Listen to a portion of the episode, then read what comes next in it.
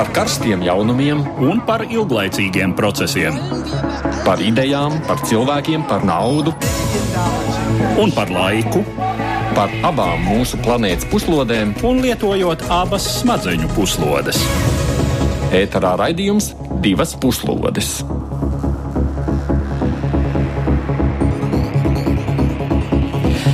Jau atkal klāta raidījums divas puslodes, un studijā arī šoreiz ir Edvards Liniņš un Mārija Ansone. Mūsu uzmanības lokā aktuālais pasaulē. Kādu izaicinājumu priekšā ir Eiropas Savienība un kādas ir tās nākotnes pastāvēšanas vīzijas? Tas šodien ir mūsu raidījuma galvenais temats. Šonadēļ Briselē notiks Eiropas Savienības samits, kurā būs jārunā gan par atkal sāsinājušos bēgļu jautājumu, gan Brexita gaitu, gan par attiecībām ar Vašingtonu, pārmaiņām Eirozonā un ilgtermiņa budžetu. Cik ilgi dalību valstis spēs vienoties par, cik viegli dalību valstis spēs vienoties par Eiropas Savienības galvenajiem darbības virzieniem. Par to saruna pēc neilga brīža. Mūsu otrais temats ir cieši saistīts ar pirmo. Tie ir satricinājumi Vācijas valdībā, ko izraisījušas partiju nesaskaņas imigrācijas jautājumā. Kanclers, kancleris Angēls Merkels, Kristīgo demokrātu savienības un iekšliet ministra Horsta Zēhofera Kristīgas sociālās savienības starpā ir izcēlušās nopietnas domstarpības par Vācijas robežu aizvēršanu patvērumu meklētājiem, kas reģistrējušies citā Eiropas Savienības valstī. Vai Vācijai draud ārkārtas vēlēšanas? Arī par to runāsim šodien. Un raidījuma noslēgumā atkal pievērsīsimies ASV un šoreiz tās augstākās tiesas lēmumam, kas atļāvusi īstenot prezidenta Donalda Trumpa rīkojumu, slēdzot robežu iebraucējiem no vairākām galvenokārt musulmaņu apdzīvotām valstīm. Tiesa atzinusi, ka Trumps ir rīkojies savu prezidenta pilnvaru ietvaros. Klausītāji, kas lieto Twitter, ir lūgti tuvākajās minūtēs atbildēt uz jautājumu, cik jums ir nozīmīga Eiropas Savienība un tās nākotne. Izvēlieties no piedāvātiem atbilžu variantiem un nobalsojiet. Twitter jautājumu varat atrast Latvijas radio viens kontā. Gaidām arī jūsu komentārus mūsu mājaslapā. Un studijā ar mums kopā šobrīd ir Latvijas ārpolitikas institūta pētniece Elizabete Vizgunova. Labdien! Labdien! Un mēs gaidām Kādā brīdī mums pievienojamies arī Eiropas kustības Latvijā prezidentu Andri Gobiņu. Bet raidījumu sāksim kā parasti ar dažām ziņām īsumā.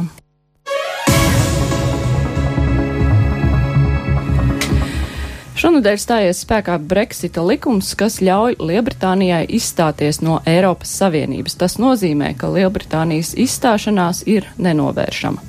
Likums paredz, ka Eiropas Savienības tiesību normas tiek pārnestas nacionālajos normatīvajos aktos un noteica, ka apvienotā karaliste bloku pametīs 2019. gada 29. martā pulksten 23.00 pēc Latvijas laika. Tā būs jau nākamā diena un pulksten viens naktī. Kad parlamenta apakšnam spīkers Džons Berkaus paziņoja, ka karaliene Elizabete II ir apstiprinājusi likumu, kas atceļ 1972. gada likumu par pievienošanos toreizējai Eiropas kopienai, eiroskeptiski noskaņotie deputāti tos veica ar ovācijām.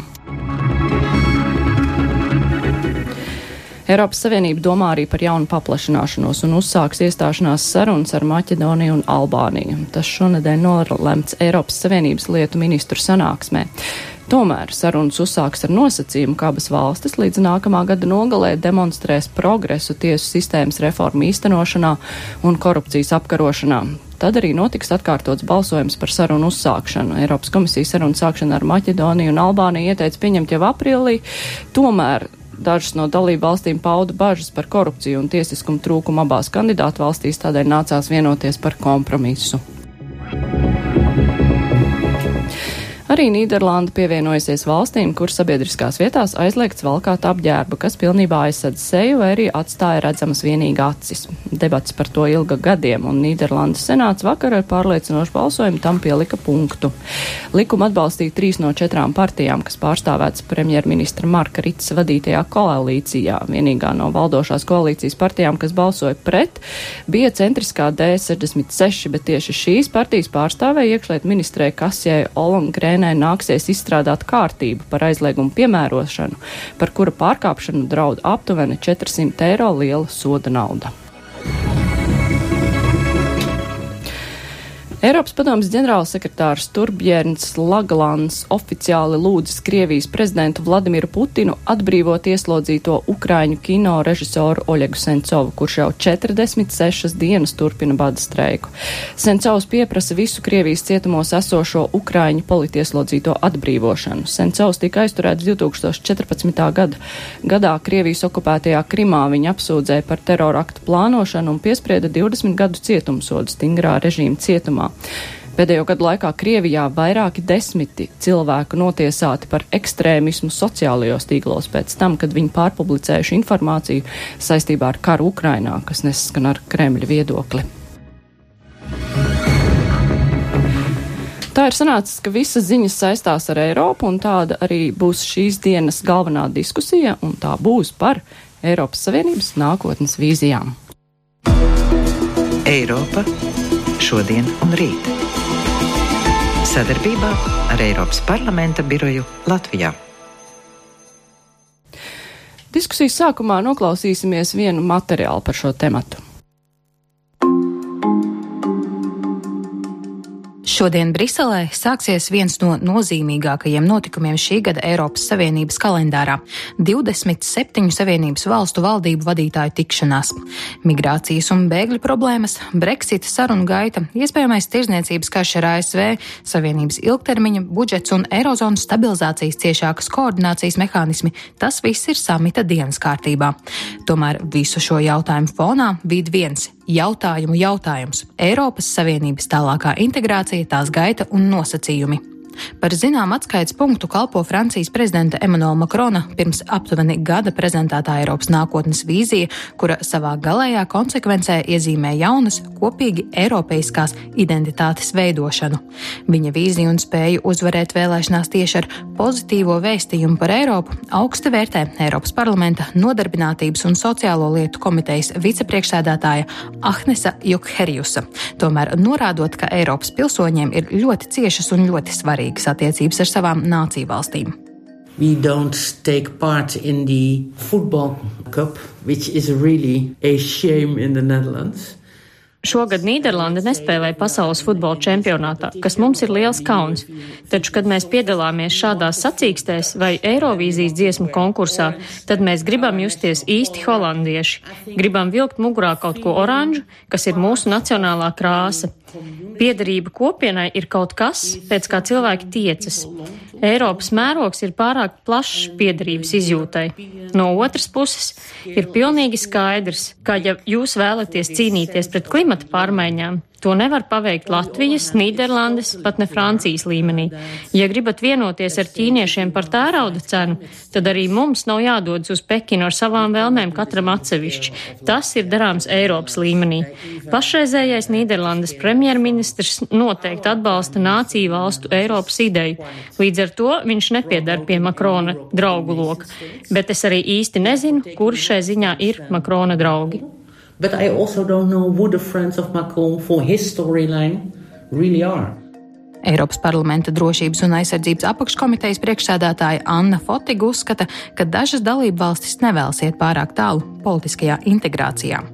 You know, I have my opposition experience in Poland and actually Man ir mana opozicionārs pieredze Polijā, un es varu teikt, ka visā mūsu centrālās un austrum Eiropas reģionā mēs krietnu laiku veltījām cīņai pret komunismu, un tāpēc mēs novērtējam noteiktu suverenitātes līmeni. Mums tā ir diezgan liela vērtība. Protams, es neesmu naiva un saprotu, ka tie izaicinājumi, ar kuriem mēs sastopamies, liek mums būt kopā un atrast konsensu daudzās jomās.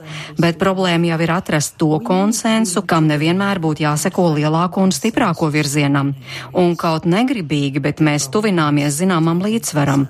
Piemēram, mūsu attieksmē pret Krievijas federāciju pēc agresijas pret Ukrainu. Pēc agresijas pret Grūziju tas diemžēl nenotika. Mēs mūsu reģionā bijām daudz realistiskāki un joprojām esam daudz realistiskāki atklājot dažu notikumu raksturu. Pie tam mēs centrālajā un austruma Eiropā esam transatlantiskāki savā noskaņojumā. Attiecīgi es paredzu visai ilgi ilgas debats, lai sasniegtu līdzsvaru šajos jautājumos.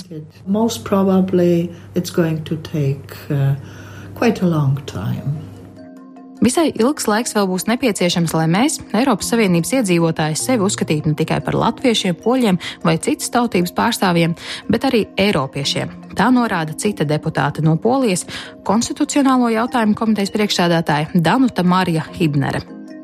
For the rest of the world, even entire Europe, the 28, soon to be 27 member states altogether, we are still a very small part of the global world. Es skaidri redzu, pat visa apvienotā Eiropa ar 28, drīzāk nākotnē 27 dalību valstīm ir joprojām tikai maza globālās pasaules daļa. Pat lielākās valstis kā Vācija, Francija vai Lielbritānija vienas pašas nespēja pastāvēt par savām interesēm. Es uzskatu, ka vienīgā iespēja Eiropai nākotnē ir turēties kopā un būt vienotai. Mēs taču zinām tādas valstis kā ASV, kur pastāv, kā to mēdz teikt, identitāte ar defisi, kur ir afroamerikāņi, aziāta amerikāņi. Eiropā taču arī varētu būt, teiksim, poļu eiropieši. Es domāju, Eiropā būs jāpaiet ilgam laikam, līdz šāda dubultā identitāte nostiprināsies. Vēl nav kļuvusi par normu tā izjūta, ka mēs esam ne tikai poļi, ungāri vai francūži, bet arī eiropieši. Un runa, manuprāt, nav tikai par domāšanu, izpratni, līgumu izlasīšanu un savu tiesību apzināšanos, bet arī par emocijām, par sirdi, par dziļu iekšēju izjūtu, ka tu piederi Eiropai. Esi gatavs to aizstāvēt, par to rūpēties un esi atbildīgs. Polijā es mēdzu teikt, ka tai dienā, kad es rādio dzirdēšu kādu sakām, nevis viņi, Briselē izlēma, bet mēs izlēmām, tad mēs patiešām būsim Eiropieši un Eiropas Savienības pilsoņi. Taču līdz tam vēl jāpaiet laikam.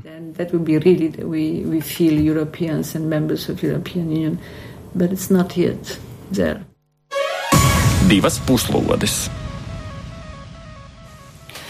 Jā, lielais jautājums, kas šeit izskanēja Eiropas Savienības tālākā integrācija, kas uh, viss ir jāskata kontekstā ar daudziem jautājumiem, par kuriem Eiropas Savienības dalību valstīm ir ārkārtīgi grūti vienoties.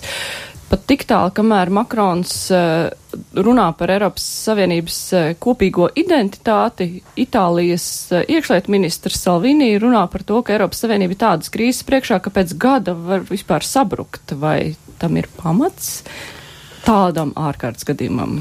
Nu, par Eiropas Savienības sabrukšanu, protams, tas būtu radikāls pārspīlējums, lai gan pār iespējamo, kā mēs to varētu saukt tagad, itālksitu, proti uh, Itālijas jaunās valdības uh, destruktīvām tendencēm. Uh, tādi viedokļi gan izskan. Nu, respektīvi, ka Itālija varētu mēģināt atkārtot Lielbritānijas piemēru. Respektīvi, šis varētu būt tas gadījums, kad Lielbritānijas piemērs ir, nu, tas, ir tas, tas sliktais, lipīgais piemērs.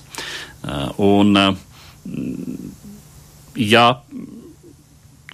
ikvienā vai gandrīz ikvienā gadījumā, kad kādā nozīmīgā Eiropas valstī notiek vēlēšanas, šis jautājums kaut kur fonā vīd.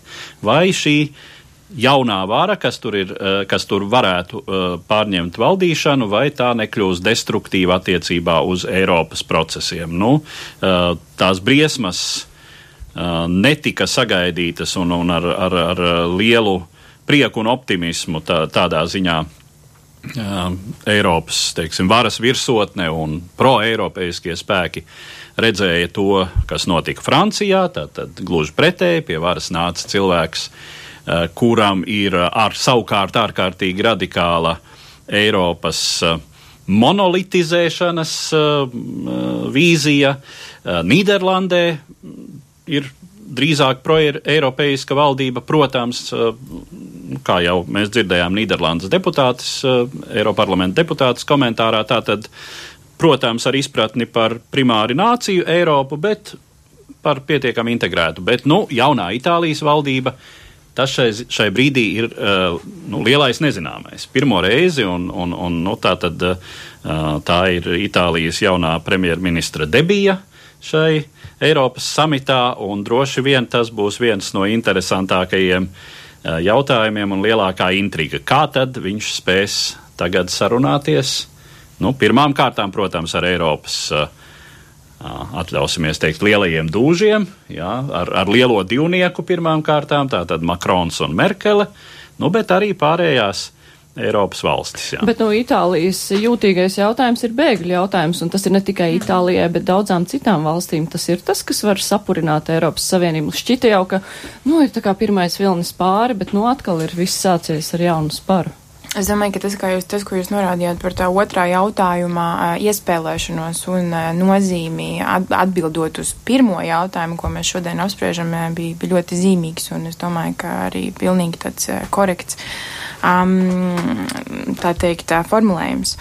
Um, tiešām, kad uh, Makrons, uh, ja nemaldos, vēl martā pēdējo reizi iezīmēja savu vīziju par Eiropas Savienību, viņš teica, ka uh, Eiropas Savienībai jākļūst nevis par autoritāru, autoritāru valstu kopu, bet par demokrātisku autoritāti. Taču man šķiet, ka automātiski nāk prātā divi citi citāti. Pirmais no tiem Angēlas Merkels citāts, kur viņa teica, ka Vācija darīs tikai tik daudz, cik Eiropas Savienība. Un otrs citāts ir tas no Donalda Taska, um, kurš norādīja, ka uh, tāpēc, ka Eiropas Savienība nespēja aizsargāt savas robežas, varu pārņemt populisti un autoritāra tendence. Um, es domāju, ka teiksim, šīs te trīs dimensijas ir tās, kas saspēlējas um, Eiropas Savienības šajās nākotnes, um, nākotnes vīzijās. Un, um, manuprāt, mums ir jāuztver um, šis Itālijas un citu populistisko valstu um, mestais izaicinājums ļoti nopietni. Tāpat laikā jāņem vērā arī šī globālā dinamika. Es domāju, ka kaut kādā līmenī Eiropas Savienība ir vienīgais aktors, kurš šīs Eiropas valstīs, skaitā Itālija, vēl joprojām var noturēt uh, par gana svarīgām. Un, un gan, teiksim, spējīgām valstīm ietekmēt globālo dinamiku. Un, Tāpēc es domāju, ka ir svarīgi domāt par šo te, m, politisko globalizāciju, kas šobrīd notiek. Mēs neesam tikai ekonomiskās globalizācijas posmā, bet politiskās globalizācijas posmā, kur mēs sastopamies ar faktu, ka visas Eiropas Savienības valstis Labdien, labdien. Globālā... Sveiciens Andrim Gobiņam un viņa skrējritenim, viņš ir klāt. Visa Eiropas Savienības valstis uz šī te globālo valstu fona, piemēram, Francija un Vācija, kas ir mūsu lielie smagsvari, patiesībā nespēlē tik lielu lomu. Līdz ar to es domāju, ka arī Itālijas politiķi par spīti visam spēj būt, spēj būt gana reāli politikas virzīti. Bet vai politiskā e, globalizācija var notikt bez ekonomiskās globalizācijas? Bet interesi te jau ir katram. Nē, nē, no ekonomiskā globalizācija ir primāra. Tas ir lielā mērā neizbēgams process, kuru nosaka tehnoloģija, pirmām kārtām informācijas tehnoloģija attīstība pasaulē. Tas ir kā, laika apstākļi visnotaļ neizbēgamāks par globālo sasilšanu. Eh, tā kā jautājums ir, kā politika tam pielāgojas. Mm. Es domāju, ka par izolācijas mums nav īsti vairs jēgas runāt. Pirms Trumpa ievēlēšanas par to tika ļoti daudz spekulēts. Es domāju, ka mums ir skaidrs, ka tas nav tas, kas notiks. Runa patiešām ir par to, kādā veidā mēs veidosim savas nākotnes attiecības un cik tad īsti Eiropas Savienība būs konkurētspējīga, lai, eh, tā teikt, pamestu burkānu un viņu kāds gribētu noķert. Bet kā vispār saprast eh, šī te Eiropas kopīgā identitāte? Nu, kā mēs jau dzirdējām šais komentāros, nu, tā tad tas ir priekšstats un, un zināma ideālu kopa, eh, kas, eh, kas nav radusies līdz ar, ne līdz ar Eiropas Savienību un ne līdz ar Eiropas kopienu. Kaut kāds priekšstats par nojēgumu mēs, Eiropieši, un to, kur sākas un kur beidzas Eiropa, jau pastāv ļoti sen, nu vismaz kopš jaunajiem laikiem, tātad no kāda 17. gadsimta. Un, teiksim, citāts, kas man ļoti patīk un ko es ļoti labi atceros, savulaik Austrijas impērijas ārlietu ministra Firsta Meterniha teiciens Eiropa beidzas līdz ar Landstrāsi. Landstrāsi bija tā iela, kas no Vīnes gāja uz Budapeštu. Un tur, kur pie Vīnes robežas beidzas Landstrāse, tur Meterniha prāt beidzas Eiropa. Jā, tā tad Polija, Rumānija, tobrīd visi Balkāni, kas bija vēl Osmaņu impērijas varā tobrīd, uh, protams, Krievija, tā nav nekāda Eiropa. Bet, nu, ir, ir citi redzējumi, tā skaitā, nu, mēs arī tomēr tā kā ļoti gribētu justies visnotaļ Eiropā, nevis kaut kādā pelēkajā zonā. Jā, tā kā Tā tad droši vien Makrona vīzija, tā, tā ir lielā mērā pamats un, un tā ir tie arī vērtību pamati ļoti nozīmīgi. Ja drīkst, es atvainojos drusku par kavēšanu, bet, ja drīkst piebilst par identitāti. Manuprāt, ir ļoti pozitīvi skaitļi Latvijā. Es pareizi atminos, vairāk nekā puse Latvijas iedzīvotāji saka, ka viņi jūtās kā, arī kā Eiropas pilsoņi. Un ļoti svarīgi, man liekas, jau sāk atkārtoties eh, radījumos, bet saprast to, ka patiešām nav pretrunas. Man īpaši patīk Hübners kundzes eh, teiktais, kur, viņi, nu tā, kur tas izklausījās ar šito defisi, nu, ka tas ir kaut kas pieļipināts klāt. Manuprāt, tas eiropeiskais visos mūsu, mūsos mīt ļoti dabīgi jau paudzēm ilgi. Un viņš ir tāpat, kā mēs katrs esam nu, patriotisks, varbūt cēsinieks, vai, vai, un vienlaikus arī Latvijas patriots, vai vidzemes patriots, vai latgāls patriots.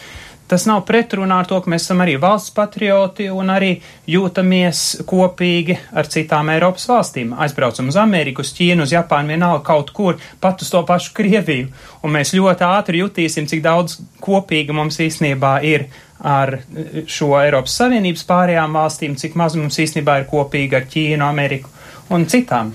Bet tajā pašā laikā, arī laikā, kad mēs stājāmies Eiropas Savienībā, tika uzsverts, ka Eiropas Savienības šie te pamatprincipi balstās uz dažiem pilāriem, no kuriem viens ir tiesiskums. Tas, kas šobrīd notiek Polijā, Jā. tas nav tā nav, tas nav mēģinājums tā kā attālināties no šiem te pamatprincipiem. Es domāju, ka absolūti ir, ja mēs, teiksim, skatāmies tīri uz uh, Eiropas Savienības konstitūciju, Lisabonas līgumu un tā otrā, pa, otro pantu, uh, demokrātiska, tiesiska likuma varas valsts ir viena no fundamentālām Eiropeisku valsti definējošām iezīmēm. Um, Tad, lūk, jūs runājat par šo ģeopolitisko skatījumu uz to, ko tad īsti nozīmē Eiropa un kas tad būtu rietumi bez austrumiem um, un uz kā viņi tad sevi veidot. Es domāju, ka šī Eiropas Savienības konstitūcija um, ir viena no tādām fundamentālajām, gandrīz vai sataustāmajām Eiropas identitātes dimensijām, uh, kurās attiecīgi um, droši vien um, arī attiecīgi pro-eiropieskie spēki rietumos, kā jūs minējāt, tad, teiksim, vai Nīderlandē vai, vai Francijā vēl joprojām var balstīties taču ar vienu atrunu - tikai tik ilgi, kamēr visas Eiropas Savienības valstis piekrīt, ka šīs te arī ir Eiropas Savienības pamatvērtības tajā brīdī, kad uh, mēs iedibināsim septīto pantu un tajā brīdī, kad mēs atklāti pateiksim, ka. Um, Vai, teiksim, kad Polijas valdība atklāti pateiks, ka viņi nepiekrīt kādai no šīm vērtībām, mūsu vērtības sistēma stipri sašķobīsies. Arī Latvija ir demokrātiska valsts, un arī Latvijā visa vara pieder valstī jautājums, vai mēs vienmēr kā tauta šo varu apzināmies un vai mēs viņu vienmēr spējam tādējādi izmantot, lai politiķi to arī sadzirdētu, varbūt tās kādreiz sāpīgi uzkāpjot politiķim uz kājas, kas dažreiz ir nepieciešams, varbūt domājot nu, tādas nu, tiešām iedarbīgas metodas, lai politiķi arī sadzirdētu.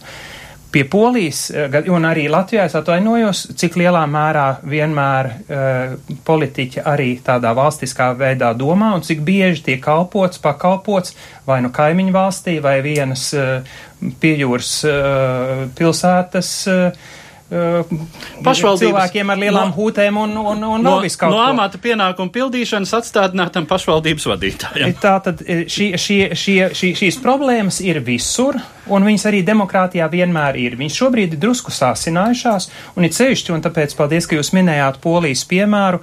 Polijas piemērs, uh, arī Ungārijas piemērs, un arī pašreizējās tendences Itālijā. Uh, patiešām uh, rod jautājumu, ko darīt, ja šīs uh, Eiropas kopīgās vērtības tiešām tiek kājām spārdītas. Nu, tik tālu gluži mēs Polijā neesam, bet ļoti, ļoti tuvu ar tiesas ties sistēmu arī ar mēdīju presas brīvību. Tur nu, notiek lietas, kuras nav īsti uh, ideālas.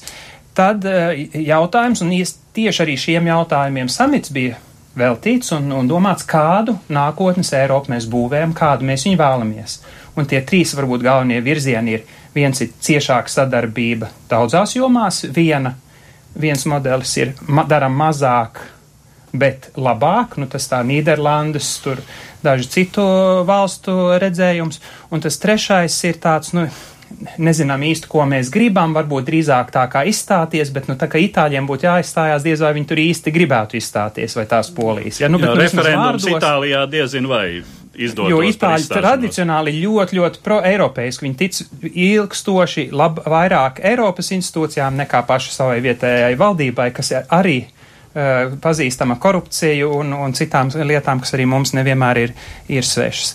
Tātad no šiem trīs virzieniem un par šiem trīs virzieniem šoreiz bija domāts runāt, diemžēl, kā vienmēr gadās viena, otra, trešā krīzīte pa vidam. Merkele sastrīdējusies ar koalīcijas, nu, savu īstenībā partijas savienības nu, meitas partija vai māsas partija, kur gatavojās vēlēšanām un vicinās ar dūrītēm, ja tā vienkārši drīkst to noformulēt, ja viņi grib sev profilēties. Un, un, un tad tur ir iekšējais šis Vācijā Merkeles partijas kašķis, Makrons, kas ir sācis savus sāpīgās reformas ieviest, un nu, arī tas tautas lielais atbalsts un eiforija bišķi samazinās.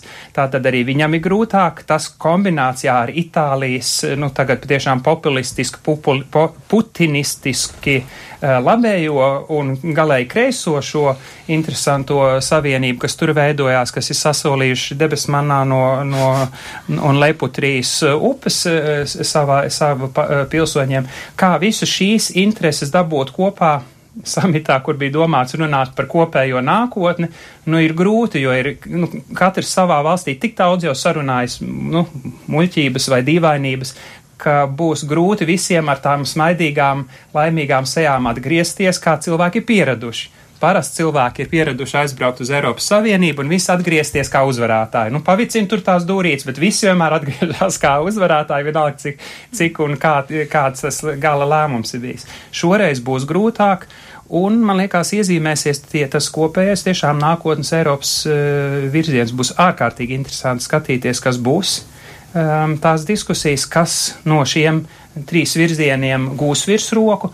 Es ļoti, ļoti, ļoti, ļoti, ļoti, ļoti ceru, bet man liekas, ka tā, šī cer, cerība ir iluzora, kā arī Latvija spēcīgi un skaidri līdzdarbojas tiešām sakarīgas kopējas Eiropas uh, sadarbības virzienā. Uh, Bet par ko, nu, ja ir tik daudz lietu? Latvijas par... savu redzējumu pat īsti, man liekas, daudzos jautājumos, diemžēl, nav noformulējusi, un tā ir tā katastrofa, jo tad beigu beigās ir daži, kas, kas cīnās par savām idejām, Latvija pēc tam skatās, nu, tāpēc diviem gadiem, ja piedāvās kaut ko, nu, tad mēs varbūt lemsim. Nu, nu arī tā, Latvijā kolēģi, mēs neko neattīstīsim. Arī Latvijā nāk vēlēšanas, bet uh, ir daudz lietas, par kurām ir ļoti grūti vienoties, vai ir kaut kas, par ko ir vieglāk vienoties, nezinu, par kopīgu pozīciju pret Vašingtonu. Par vācu naudas dalīšanu ir vienkārši vienoties, un man liekas, ka tas līdz šim īstenībā ir izglābis biežās daudzās situācijās no līdzīgām, uh, no līdzīgām situācijām. Vācija beigās saprotot, ka viņa ir vislielākā ieguvēja, arī beidzot viņai ir jāsaprot, ka būs drusku vairāk jāmaksā. Un patiešām Vācijai būs jāmaksā gan e, Eirozonas budžetā, kas būs viens no interesantiem jautājumiem, vai tādam būt vai nebūt. Nu, manuprāt, būt, un tas varētu būt viens no risinājumiem, kā nu, drusku iepirkt labvēlību no Itālijas, piemēram, ja tā drīkst maigi izsakoties. Es varu varbūt pavisam īsi. Es domāju, ka, eh, teiksim, es iepriekš nedaudz iezīmēju to, to, teiksim, to manu ideju, kas nav man tik simpātiska, bet man šķiet realistiski tā ideja par reālu politiku. Es domāju, ka transakcionāla pieeja starptautiskajām attiecībām būs viena no tām lietām, kas, eh, visticamāk, nākotnē raksturos Eiropas Savienības ārējo darbību. Diemžēl šī normativitāte, ar kuru viņi tik ļoti cītīgi centās pieiet gan austrumu partnerības valstīm kaut kādā līmenī vēl joprojām cenšas inkorporēt, protams, rietumbalkons, un te mēs varam pateikt, ir kaut kas pozitīvs, ir tā teikt paziņots, kad ar Albāniju un Maķedoniju tiks uzsākts iestāšanās sarunas. Um, kas, kas, um, kas, teiksim, varbūt ir tā, teiksim, tas parāda to, ka uh, mašīna jau iet uz priekšu. Mēs varam cīnīties savā starpā, bet, uh, bet tā teikt, um, ir kaut kādas institucionāla mehānismi, kas turpinās. Uh, Um, bet, um, manuprāt, tie tiešām šī transakcionālā pieeja pie, un kaut kādā ziņā atteikšanās no normatīvas pieejas starptautiskajām attiecībām būs tā, kas uh, visticamāk notiks kaut kāda klusa vienošanās. Kurš vienkārši normatīvā dienas kārtība, visticamāk, vairs netiks. Es vismaz neredzu, ka viņi tiks bīdīti starptautiskā līmenī. Kādas versijas, ar ko beigsies samits? Nu, par to nu es laikam neesmu gatavs uh, spriest, ar ko beigsies. Jā, es teiktu, ka tie interesantākie jautājumi būs šis uh, eirozonas budžets, kas ir tātad atsevišķa. Uh, nu, atsevišķs uh, finanšu mehānisms paralēli uh, Eiropas Savienības budžetam, un tad ir lielais jautājums, kā šie abi budžeti koordinēsies. Un, protams, galvenais jautājums arī par apjomiem, jo, kā var lasīt, tad, ja Makrona redzējumā šis eirozonas budžets varētu būt vairāki simti miljārdu eiro, tad nu, Merkele ir daudz atturīgāk un runā par varbūt pāris desmitiem miljārdu eiro um, kas ir nu, uz visas Eiropas un visas Eirozonas fona sa salīdzinoši pieticīgi skaitļi, uh, bet, protams, ir uh, savukārt Eiropā daudzas valstis, kas ir skeptiskas vispār par šo Eirozonas budžetu, un pirmām kārtām tās Eiropas Savienības valstis, kas nav Eirozonā. Un tās ir Skandināvijas valstis, divas, tātad Zviedrija un Dānija. Uh, un uh, savs vārds savukārt caur uh, Ziemeļvalstu sadarbību. Te ir sakāms arī valstīm, kas nebūdams Eiropas Savienībā, ir Eiropas um, brīvās, brīvās, tird, brīvās tirdzniecības zona, tā to laikam sauc. Labojiet, ja es tagad kļūdos nosaukumā, tā tad tā ir Īslanda un Norvēģija. Uh, kur ir iezīmējusies zinām opozīcija vispār šai šim jautājumam par uh, eirozonas budžetu. Un Latvija un Baltija kopumā, kā ar Ziemeļvalstīm cieši saistīta, arī drīzāk sliecas šajā brīdī atbalstīt Ziemeļa Eiropas viedokli. Bet kāpēc mums un, ir un, ša, un es, es vēl piemetināšu, šķiet, ka veidojas zināms bloks, interešu bloks, kas sastāv no Baltijas valstīm, Ziemeļvalstīm un nu jau arī Beniluksa valstīm. Un tas jau ir diezgan nopietns uh, spēks, ļoti nopietna frakcija visas Eiropas Savienības kontekstā. Kāpēc mums ir tāda pozīcija? Nu, varbūt Latvijas gadījumā mēs tiešām jāpiekrīt Gobiņkungam šajā jautājumā īsti uh, nevaram izšķirties. Mums ir, uh, mums ir pārāk, uh, pārāk maz nozīmīgu motīvu tajā visā. Jo nu, Latvijas ieguldījums jebkurā gadījumā šai budžetā varētu būt samērā neliels. Uh, jautājums, kādi varētu būt ieguvumi, nu, šeit mēs tieši tā uz to skatāmies. Ja? Un man arī jāsaka, ir pārāk maz informācijas šobrīd. Es esmu pārāk maz iedziļinājies šajā jautājumā, lai kaut ko kompetenti teiktu, kas varētu būt vai nebūt šajā ziņā Latvijas interesēs. Jā, bet skaidrs, ka viens no lielākajiem jautājumiem, tomēr, par ko būs jāvienojas, tas ir bēgļu jautājums, bet par to mēs runāsim arī pēc brīža jau Vācijas kontekstā. Eiropa šodien un rīt. Sadarbībā ar Eiropas parlamenta biroju Latvijā. Tātad turpinām runāt par Eiropas lietām un šoreiz nelegālo imigrantu problēmām un to, kā tas ietekmē Vācijas valdību. Šī gada martā pēc ilga un mokoša sarunu procesa tapusī Vācijas valdība jau atkal sašķobījusies. Pretrunas iezīmējušās starp kanclers Angels Merkels Kristīgi Demokrātisko partiju un tās ilgadējo Bavārijas satelītu Kristīgi Sociālo savienību. Bavāriešu līderis iekšlietu ministrs Horsts Zehofers ieņem kategorisku pozīciju bēgļu problēmas risinājumā un nesen piedraudējis, ka lietos savas ministra pilnvaras, liekot policijai neielaist Vācijā imigrantus, kuri jau reģistrējušies kādā citā valstī. Kanclere ir pret šādu risinājumu, kas sarežģītu Vācijas attiecības ar citām Eiropas Savienības dalību valstīm, draudot ar jaunām plaisām Savienības vienotībā. Pēdējās nedēļās spriedze starp Merkeli un Zēhoferu jau likusi izskanēt viedokļiem par iespējamu iekšlietu ministra atlaišanu, kas visdrīzāk nozīmētu ar tādām pūlēm veidotās koalīcijas iziršanu un jaunas Bundestāga vēlēšanas. Pagaidām gan oponenti ietur pauzi. Ministrs Zēhofers atlicis kādu lēmumu pieņemšanu līdz Eiropas Savienības samita noslēgumam.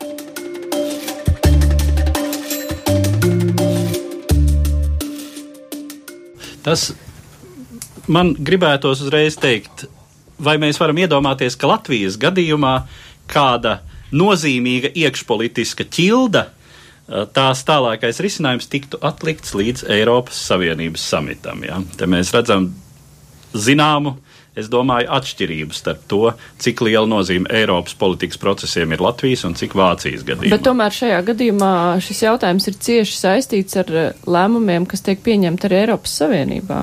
Protams, jā. Tas iemesls, kāpēc gaida e, Eiropas samitu, ir tas, ka šajā, e, nu, priekšvēlēšanu gaisotnē, kur Zehofers, kā jau tika minēts, ir, ir sasolījis, nu viņš cenšas uh, e, AFD, tie, kas ir tādi galēji labējai partijai, kas pieaug viņa pavalstī, uh, tātad spēkā, viņ, viņš tā mēģina atzvejot um, vēlētāju nu, piekritējus ar pieņ, ieņemot pats uh, līdzīgi labējas šīs pozīcijas. Un šīs labējo pozīciju upuris šī gadījumā ir uh, nu, eiropeiskā, uh, eiropeiskās vērtībās balstīts. Uh, šī tā, starpvalstu robežu nesamība. Merkele visu laiku atgādina, pagaidi, pagaidi, nevar viena valsts lemt viena pati. Mums ir jā, jāvienojās ar kaimiņiem. Ja mēs gribam kādu uh, migrantu, legāli, nelegāli, vienalga kādu sūtīt atpakaļ uz robežas, kā tas līdz šim nav darīts. Līdz šim, ja ir kāds nelegāli ieceļojis, es konstatēju, ka tas cilvēks ir pirmo reizi reģistrēts uh, tur Grieķijā vai Itālijā. Pēc attiecīgā procesa viņa aizsūta atpakaļ uz Itāliju vai uz Grieķiju. Merkele uzstāja, ka tam jāturpinās šādā veidā. Ziehofers saka, nē, nē, mums ir jāatjono savā ziņā robežu kontrole, kas tātad ir šī fundamentālā Eiropas vērtību pārkāpums, kā Merkele to, to redz, un ka tam dēļ tas neiet. Mums tas, ja mēs kaut ko tādu gribam darīt, mums tas ir pa priekšu jāizrunā ar saviem kaimiņiem. Un tieši tam dēļ tiek, tiek gaidīts samits, kur Merkelei papildus vai teiksim, kafijas pauzēs pusdienu laikā, vakariņu laikā būs jārunā, vai kā viņa ir solījusi pati, jo arī pati viņas jau šī situācijā ir iemanevrējusi lielā mērā. Viņa centīsies tātad ar citiem vienoties, ar tiem pašiem austriešiem, poļiem, francūžiem, itāļiem, lai šāds atpakaļ uzņemšanas vai aiz, to, to migrantu izraidīšanas variants uz robežas netiktu uzskatīts kā tāds e, antieiropeisks vai pret kaimiņisks gājiens. Visticamāk, tas neizdosies, jo vienkārši tas e, nu, ir pārāk īss laiks bijis, lai šādu vienošanos vai šīs sarunas ar kaimiņiem iesāktu. Tātad visticamāk Merkele atgriezīsies savā ziņā kā zaudētāja Vācijā, vismaz šī punktā, un interesanti būs, ko tad viņa varēs piedāvāt Ziehoferam, Jo te tagad ir lielā diskusija, nu, viņa, nu, kaut kā viņiem būs jāvienojās, jo citādi patiešām pašķīst uh, Vācijas valdība. Un diez vai tas ir pašas Merkels, nedz arī CSU, nedz arī citu interesēs. Tātad mana prognoze būtu tāda, ka tas lielais eiropeiskais uh, risinājums būtu tāds ļoti konkrēts soļa ārējo robežu papildu kontrolē, Tas, man liekas, arī Latvijas interesēs, eh, nu, arī mūsu austrumu robežu varētu uh, stingrāk sargāt, tā skaitā ar Eiropas naudām, piemēram, tur sētas vēl papildus uzbūvēt vai, vai droši. Ceļus, ceļus. Ceļas, sētas, kameras, teiksim, nu, pārējās lietas, kas ir vajadzīgas mūsu robežu sardzei. Šādā ziņā tas būtu loģisks un, un labs risinājums. Varbūt ir vēl kaut kādi konkrēti mēri, kas būtu jādara, un, un tad jau Tas ir vēl jāsavieno ar kaut kādiem konkrētiem skaitļiem, ko Merkel vēl piedāvāt Ziehoferam, un visi būs, nu, vismaz Vācijā laimīgi, Itālijā arī būs laimīgi, beig beigās jau visi būs laimīgi. Jā, mēs esam sazvanījuši žurnālistu Tomu Ancītu, viņš atrodas Vācijā, jūs mums dzirdat? Halo. Jā. Jā, kā Vācijā uztver nesaskaņas starp kancleru un iekšlietu ministru? Ir kaut kādas aptaujas, kas rādītu, kura mm. pusē sabiedrības simpātijas vairāk ir noslēgšās? Nu, man grūti pateikt par visu sabiedrību, jo Vācija ir liela valsts un ir, ir dažādas grupas un dažādi noskaņojumi. Teiksim, mani draugi un paziņas konkrēti vairāk pēdējās nedēļās runā par futbolu, kas droši vien acīm redzot no vakardienas mainīsies. Ja ir kaut kāda attieksme un, un uh, pievērš uh, uzmanību cilvēku, tad nu, es teiktu, ka tā ir diezgan relaksēta. Nu, tas tiek uztverts kā dramatisks, bet tomēr kārtējais strīds valdībā, kas, kas gan jau kaut kā pāries un nogludināsies. Bet tas droši vien saistīts arī ar to, ka ir atvaļinājuma laiks un klausos. Bet vai, šī, vai šie jautājumi tiek, Jā, vai šie jautājumi tiek pārunāti arī pēc būtības? Tieši runājot par to, Jā, kādu politiku vajag pret bēgļiem ievērot. Halo, jūs dzirdat? Halo, halo. Jā, diemžēl man šķiet, ka sakara pazuda. Uh, es varu skaitļus papildināt. Jā. Tas interesantais ir tas, ka uh, divu, trīs dienu vecs socioloģiskas pētījuma skaitļi rādīja to, ka Merkeli skaidri un gaiši viena no populārākām politiķiem joprojām Vācijā vairāk nekā 50% atbalsts viņai kā kanclerei, bet interesantā kārtā lielākā daļa iedzīvotāji vēlētos šo CSU vai Ziehoferu politiku bet ar Merkeli kā īstenotāju. Tātad te ir tāda pretruna. It kā cilvēki saka, nu tā tie bēgļu uh, imigrantu skaiti, kāda mums bija pirms tiem dažiem gadiem, tie ir bijuši tik lieli un ka tagad vajag drusītiņi iepauzēt, uh, un tātad šī Zehofer politika kopumā varētu būt pareiza, bet lūdzu ar Merkeli. Jā, bet uh, Vācijas valdības izjukšana, kam tas būtu visizdevīgākais? Sociāldemokrāti nu, runā par ārkārtas vēlēšanām. Šeit, teiksim, varbūt papildinot Gobiņa kunga teikto, es domāju, ka mums ir jāstāsta uz to, kā tad izskatās šī lielā gran, grandā koalīcija, un viņa nav sabiedrības viedokļa reprezentatīva. Žēl, tā, tā teiksim, kaut arī varbūt man personīgi šī pozīcija, protams, nav simpātiska, bet tīri demokrātiski, pat tīri skatoties uz tiem skaitļiem, par kuriem mēs tikko runājam, 52% no sociāldemokrātu vēlētājiem būtu atbalstījuši šīs te pašas um, Zehofera uh, politiku, tā skaitā, vispār skatoties uz AFD vēlētājiem, vienīgais, ko var pateikt, ir tas, ka viņi 60-70% gadījumu atbalsta viņu migrācijas politiku, bet nemaz tik daudz nezin par pārējā, teiksim, priekšvēlēšanu uh, pamfletā vai uh, viņu, teiksim, citām politikām, kas skar tur socioekonomisko ārpolitiku un tā tālāk. Un tas vienkārši norāda, ka šī brīža konstitūcija, kāda ir um, Bundestāgā, vienkārši nav reprezentatīva. Un um, Tas, kas, manuprāt, vēl ir svarīgi saistītā, saistībā ar šo samitu, ir tieši runa par likuma grozījumiem Eiropas saimnības līmenī. Tā ir šī uzņemšanas noteikuma direktīva, kas tika izdot 13. gadā, jūtot, ka migrācijas krīze tūlīt, tūlīt sāksies un mēģinot visu Eiropas saimnības dalību valsts piespiest sniegt kaut kādu minimālu labklājības līmeni ienākošajiem attiecīgi bēgļiem un patvēruma meklētājiem. Tas nelegāli imigranti tomēr ir tāds termins, kam ir tāda diezgan spēcīga negatīva konotācija. Um, un šīs direktīvas grozīšana, tad, manuprāt, būs tas viens lielais jautājums, kur iet runa par naudu. Un tā ir tā nauda, ko katrs uh, iedzīvotājs, kurš balso par populistiem, vai varbūt viņš nebalso par populistiem, bet viņš izjūt to savas ādas, jo viņš domā, ka tie, tie, tie pārsimts eiro, kas tiek, kas tiek iedoti imigrantam, tiek tieši atņemti viņiem. Un šis tad ir tas sentiments, uz kuru attiecīgi spēlē Itālijā, kurā spēlē Ungārijā, Čehijā un visās pārējās valstīs, kur mēs attiecīgi redzam šo te, tiksim, nedaudz um, autoritāro un, un, un populistisko. Tendenci, arī drusku jau ir jau skatoties uz nākotnes Eiropas budžetu, jau ir sagatavojuši politiķi, kā pa laimi šī jomā viņi gana gudri rīkojušies, ir tas, ka ir iemarķējuši naudiņas tiešām bēgļu, tām spēcīgāk no bēgļiem skartām valstīm, tiešām Eiropas budžeta atbalstu, kas man liekas varētu arī vienā otrā citā valstī. Skatāmies, ka Spānija uzņēma vienu bēgļu kuģi un arī vispār nu, skatās druscītiņi pozitīvāk uz, uz šiem jautājumiem. Varētu viņus iegaršināt, nu, palīdzēt šo kopējo problēmu risināšanā. Tā tad atsevišķs Eiropas budžeta, atsevišķa li, budžeta līnija bēgļu patvērumu meklēšanas problēmu risināšanai. Atkal risinājums, kas īstenībā no kura iegūst uh, visi. Mm. Un varbūt es, es pavisam ātri uh, varu vienkārši pateikt, tiksim, runājot par tiem nākotnes Eiropas saimnības scenārijiem. Es domāju, ka šis bēgļu krīzes risinājums. Um, viņš būs introspektīvs, respektīvi, uh, mēs droši vien stiprināsim mūsu robežu, bet tiešām, teiksim, Frontex iegūs aizvien vairāk personāla uh, un, teiksim, tiks tiešām pārlīdz šis te atbalsts robežu stiprināšanai tām valstīm, kas ir visvairāk migrācijas skartas un kas ir tieši migrācijas ceļu ceļā, ceļu ceļā, bet um, Es domāju, ka teiksim, viens no šiem risinājumiem un viens no šīm tām idejām, par kurām būs jādomā, ir tas, kā inkorporēt šos cilvēkus, kas jau ieradušies Eiropā.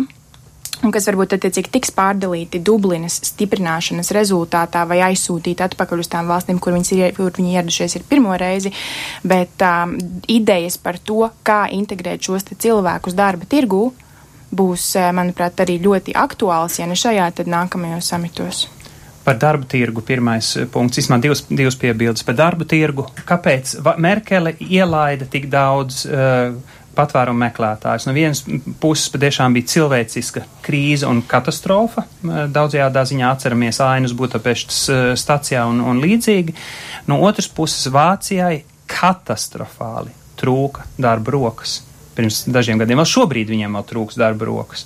Un es, man liekas, ka drusku tā mīkstā sirds, ja to tā drīkst nosaukt, tomēr arī bija saistīta ar tīri šīm materialistiskām vajadzībām. Interesē, ka Vācija vienkārši arī dzimstība nav tik augsta, pārāk maz latvieši emigrē uz Vāciju, respektīvi imigrē Vācijā, poļi arī tur imigrē, bet arī pamaz, nu, vajadzēja vēl to darba roku. Nu, šis bija arī viens no risinājumiem.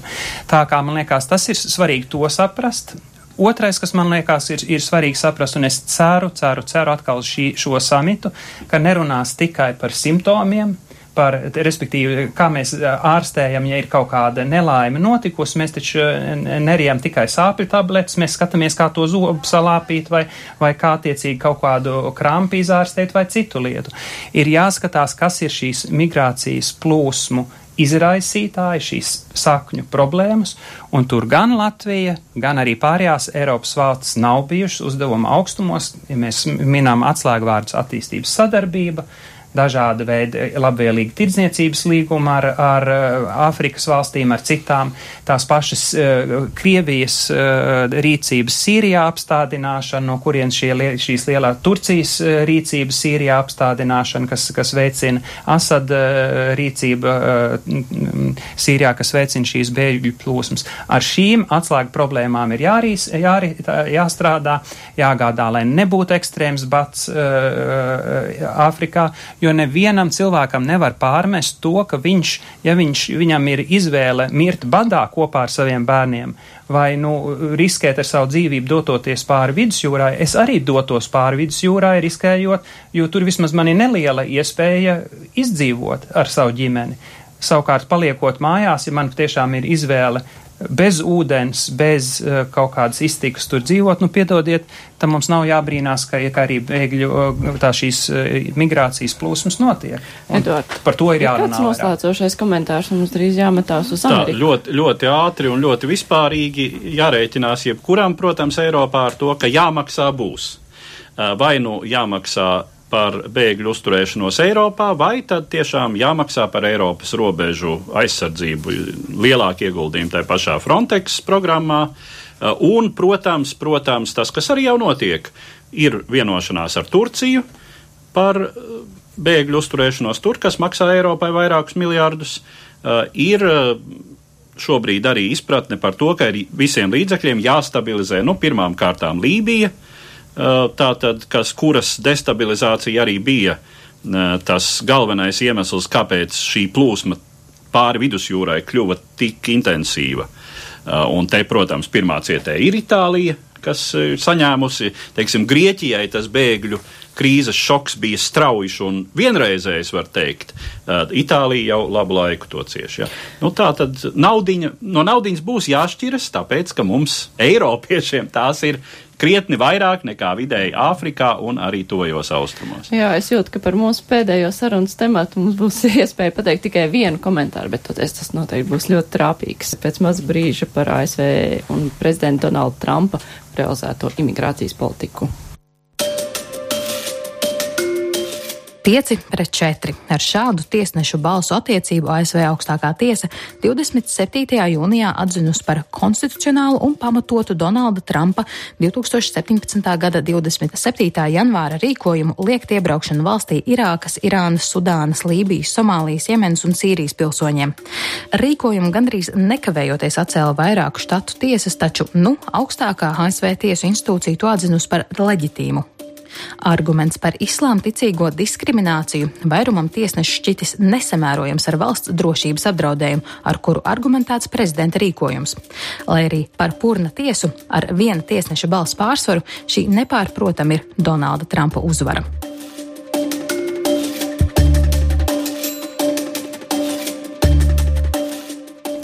Donalda Trumpa uzvara viena no mazām uzvarām vai tāda pamatīga varas nostiprināšanās? Nu, droši vien drīzāk maza uzvara.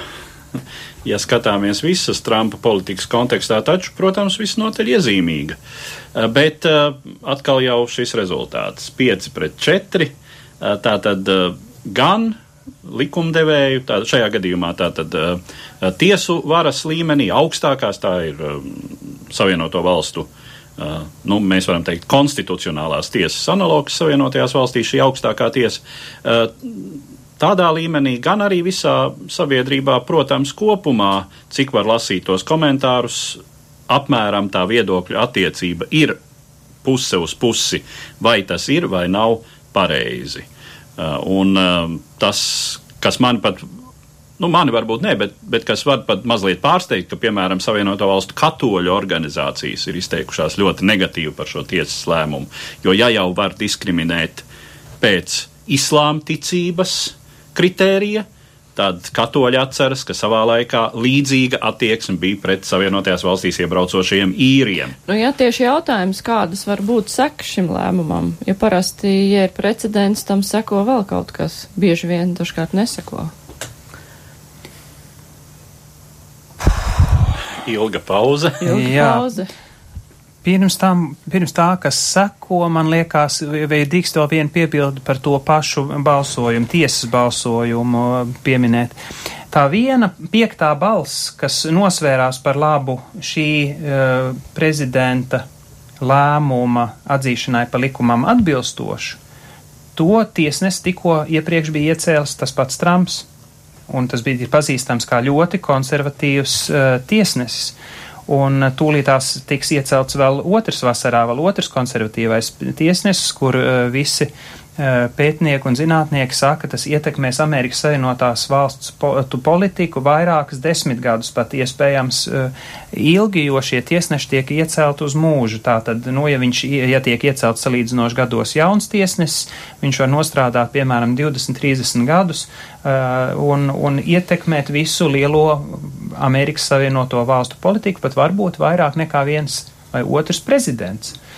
Tieši tam dēļ arī Amerikas vēlēšanās ļoti daudz runāja par šīm tiesībām iecelt uh, tiesnešus jau priekšvēlēšana gai, ga, gaisotnē. Es gribētu to vairāk atgādināt arī mūsu vēlētājiem, tad brīdī, kur ir rudens vēlēšanas, arī mūsu saima, mūsu valdība, līdzīgi kā Amerika, nominē ne, ne uz tik ilgu laiku, bet ir satversmes tiesas tiesneši, ir augstākās tiesas tiesneši, visam tam ir, ir skaidrs procedūras, kas ir, ir paredzētas, bet arī tam dēļ ir ļoti labi jāpadomā, ko mēs ievēlam mūsu saimā, lai nenotiktu līdzīgas lietas ar dīvainām attīstībām, kā mēs šobrīd vērojam varbūt Amerikā. Lūk, tā no pasaules uz Latviju. Paldies! Studijā bija Eiropas kustības Latvijā prezidents Andris Gobiņš un Latvijas ārpolitikas institūta pētniece Elizabete Vizgunova, arī Edvards Liniņš. Mūsu Twitter balsojums rāda, ka 93% balsotāju Eiropas Savienības nākotnes scenārija interesē, un tas ir nozīmīgs jautājums, 7% ir nenozīmīgs. Tādu, kam ir grūti pateikt, tādi balsojumā vispār nav piedalījušies. Ar to raidījums arī izskan. Nākamais būs atkal pēc nedēļas, jo projām kolēģis Aidis Tomsons būs atvaļinājumā un tad jābūsim es un Edvards Liniņš. Raidījumu producēja jau Valēne, to vadīja Mārija Ansone. Visu labu, tiekamies pēc nedēļas. Divas puslodes!